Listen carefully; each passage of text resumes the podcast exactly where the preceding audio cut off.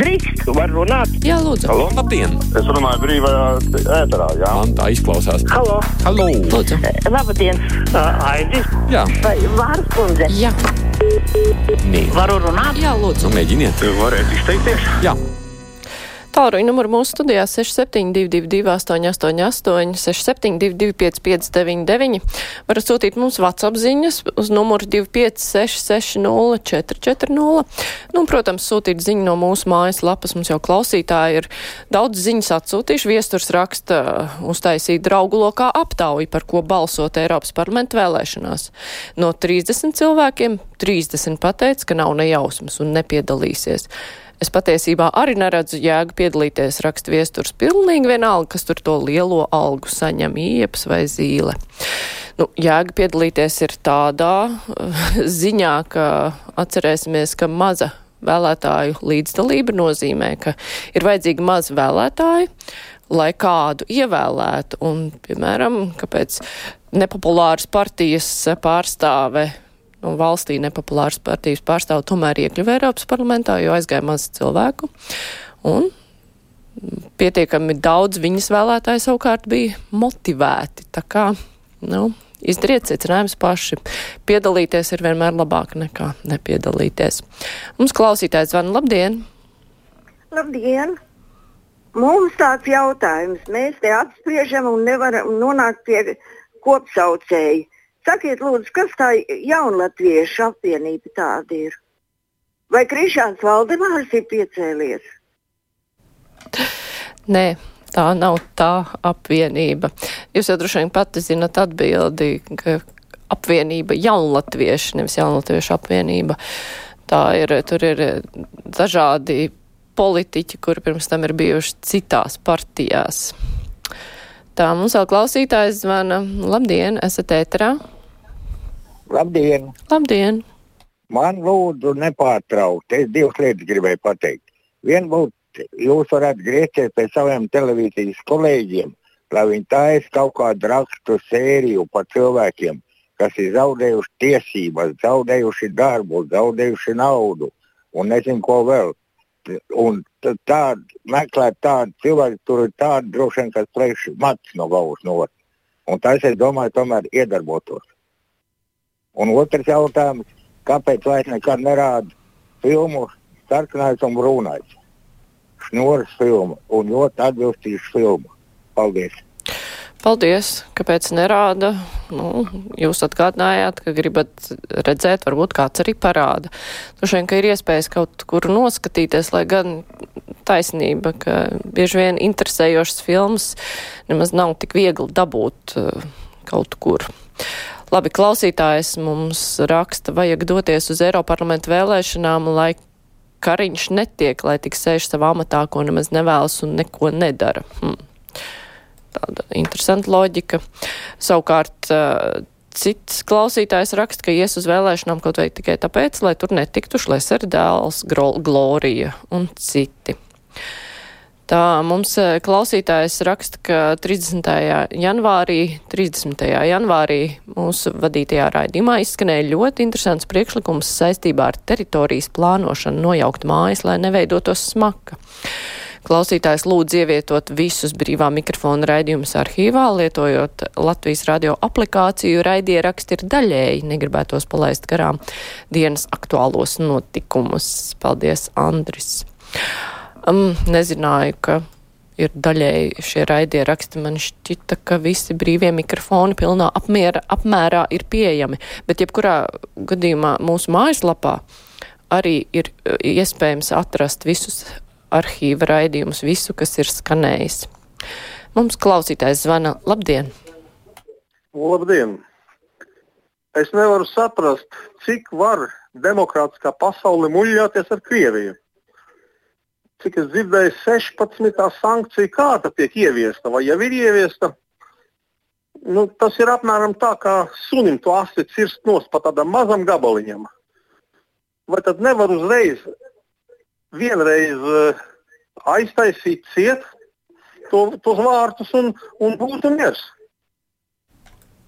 Acīm redzot, nevar aiztaisīt tos vārtus. tā uzreiz un miers. Tad, kad paskatās to sankciju sarakstus, tad brīžiem ir brīnums, kāpēc tik tā ļoti sīki un smalki varbūt pat atsevišķi uzņēmumi ir aprakstīti vai kādas personas, ka tur nav tādiem plašiem vēzieniem kaut kas darīts. Un tad, protams, ir grūti visu iekļaut sankcijās, jo tās ekonomiskās saites ir bijušas ļoti plašas, bet Nu, mēs par to diskutēsim arī savā ziņā, lai gan vairāk uzsvers būs uz to, ko mēs paši šeit uz vietas varam darīt, lai ierobežot ekonomiskos sakarus. Tā mums klausītājs zvana, tūlīt ceļu klausulu. Labdien, esat ēterā. Lab, labdien, Gunārs no Rīgas. Man tāds priekšlikums ir, tagad atbrīvojies ir muzikālās komēdijas teātris kultūras ministrei iegādāties to teātri un nodibināt politisko teātri. Iepriekš e, dodot uzdevumu dramaturgiem un mūsu inteligencei radīt e, vai nu tās būs lugas, vai traģikomēdijas, vai politiskas dramas. Nu, kā saka, izrādes par tādām tēmām, nosakot jau robežas, e, noformēšana ar Baltkrieviju un Krieviju. Tālāk cenu jautājums, kā zālēm, tā pārtikai. Nu, tad būtu interesanti tautai vēlreiz redzēt to cirku, ko tagad mēs redzam nepārtraukti. Bet tad varēs pēc vēlēšanas vēlreiz iet atkārtot. Paldies! Jā, paldies. Klausītājs mums raksta, ka ir daži jautājumi par eh, panorāmā. Bija redzēts tāds sižets par ukrainieti Gerdu. Klausītājs saprata, ka Gerda Latvijā ir tāpēc, lai uzlabotu veselību, bet viņi saka, ka negrib iet uz procedūrām, jo viņai nāk miegs. Tā pašā laikā viņi braukā pa skolām, stāstot bērniem kaut ko, vai žurnālisti painteresējās, ko tieši Gerda stāsta bērniem. Man ir liels šaubas, vai cilvēks, kurš gadu pavadījis Krievu gūstā, nav savarvēts Krievijas aģents. Nu, jā, es atceros to sižetu, arī redzēju. Man, starp citu, arī bija interesanti, būtu bijis interesanti uzzināt, ko tieši viņi ir stāstījusi bērniem un eh, kur viņi ir bijusi un kādās skolās. Viņa ir eh, šo stāstu stāstījusi, bet uh, sižets tomēr bija vairāk akcentēts uz to par sociālās darbinieces un šīs te Ukraiņu karotājas attiecībām, un tur vairāk tika skaidrots par to. Uh, Bet vispār, jā, tas bija tāds diezgan interesants notikums. Ceļu klausulu, brīvais mikrofons. Labdien! Labdien! Man būtu tāds jautājums, paaiciniet kādu dienu uz uh, brīvo mikrofonu no saimnes deputātiem, jo tik interesanti, ka šī saima vēl nekad nav bijusi. Ja, ja steidzamā kārtā jāpieņem ir likums, ja, tad tikai to likums pieņem ar savu runāšanu, bet stājas spēkā pēc diviem, trim gadiem. Vai tie ir deputāti, kā jūs domājat? Paldies! Jā, paldies! Nezinu, vai uz brīvo mikrofonu, bet, ja ir tādi jautājumi, tad atbildes ar vajadzētu, jā. Klausītājs Kārlis vaicā, kāpēc runā par biatlonu otro vietu, bet nerunā par pirmo vietu bobslējā, kāpēc futbolam piešķir vairāk naudas, ja rezultāti nav, bet citiem sporta veidiem, kuriem ir rezultāti mazāk. Ir tādi mūžīgie jautājumi. Ilza raksta, nu diezgan nožēlojami, ja cilvēki kā vienīgo Eiroparlamenta deputātu funkciju redz lielās algas saņemšanu. Es domāju, ka cilvēki redz ne jau kā funkciju, bet viņi diemžēl redz to kā rezultātu un ar to nav apmierināti. Klausītājs zvana, labdien!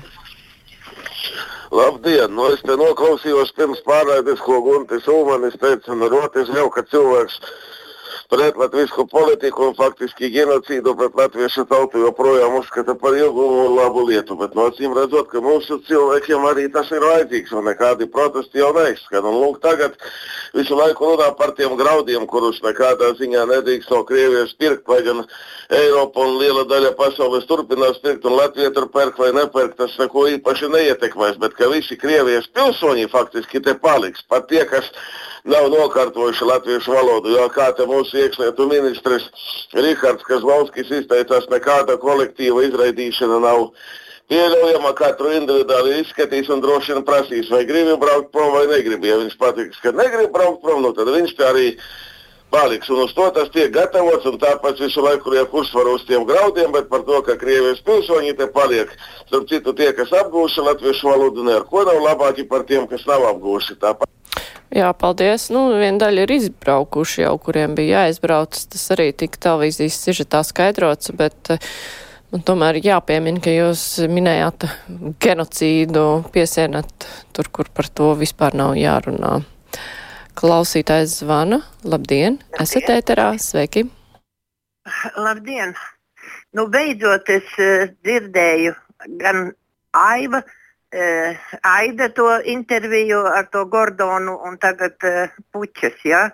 Beidzot mēs dabūnam zināt, kas ir Krievi.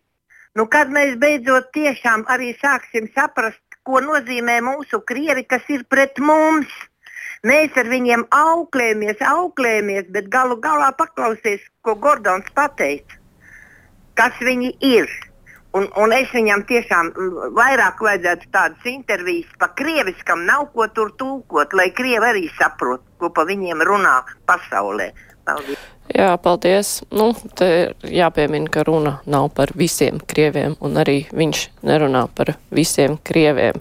Viņš tieši uzsvēra, ka uh, Ukrainas pilsētas ir krieviski runājošas pilsētas daudzas, un tajā pašā laikā tur nekādas aizdomu. Tajā pašā laikā šie cilvēki ir pret Krievijas politiku. Tā kā nevajag vispārināt uz visiem visu. Klausītājs zvana. Labdien! Labdien, Jansons kundze! Parasti jau tie cilvēki, kas pārmet uh, valdībai, ka tā neko nedara, arī paši nav nekāda čaklie. Jo viņi vienkārši neieredz cilvēks, kas ir čakli un strādīgi. Viņiem laikam vajadzētu tādu valdību kā Baltkrievijā un Krievijā. Tad viņi būtu apmierināti, ka kaut ko dara. Nu, pat jau bija Navaļņīs, tad bija arī citi. Tā kā sūdzēties nevar, ka neko nedara, vai ne? Ne, nu, tāda neieredzēšana vispār nav laba lieta. Valdības vajag kritizēt. Arī mūsu valdība ir daudz par ko kritizējama. Un iepriekšējās valdības ir daudz par ko kritizējamas, bet eh, kāpēc gan vajag neieredzēt? Jo mūs katru var kritizēt, mēs katrs nesam ideāls.